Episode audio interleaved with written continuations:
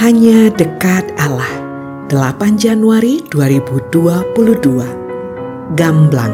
Lukas 3 ayat 7 sampai 9. Hai kamu keturunan ular berbisa, siapakah yang memperingatkan kamu supaya melarikan diri dari murka yang akan datang? Jadi hasilkanlah buah-buah yang sesuai dengan pertobatan.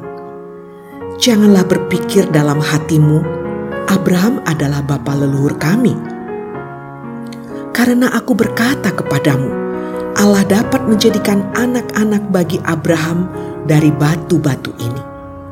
Kapak sudah tersedia pada akar pohon, dan setiap pohon yang tidak menghasilkan buah yang baik akan ditebang dan dibuang ke dalam api.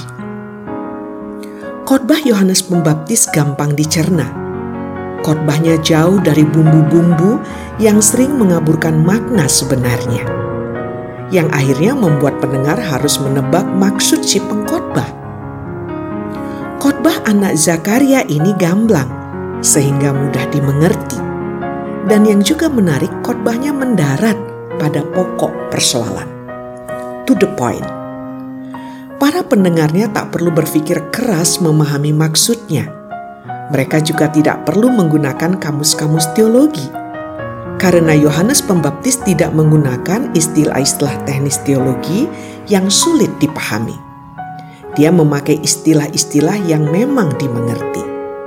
Yohanes Pembaptis berbicara soal buah, pohon, kapak, dan akar pohon dan semuanya itu jelas sekali maksudnya.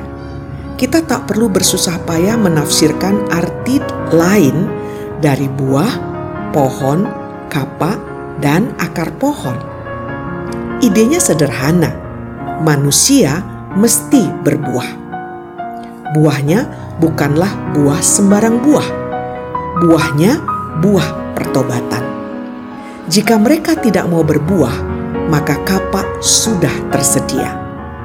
Guna kapak itu bukan untuk memangkas, tetapi untuk menebang pohon yang tidak mau berbuah.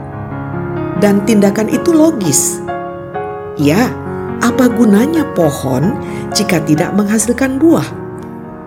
Memelihara tanaman semacam itu hanya menghabiskan energi. Salam semangat dari kami literatur perkantas nasional, sahabat Anda bertumbuh.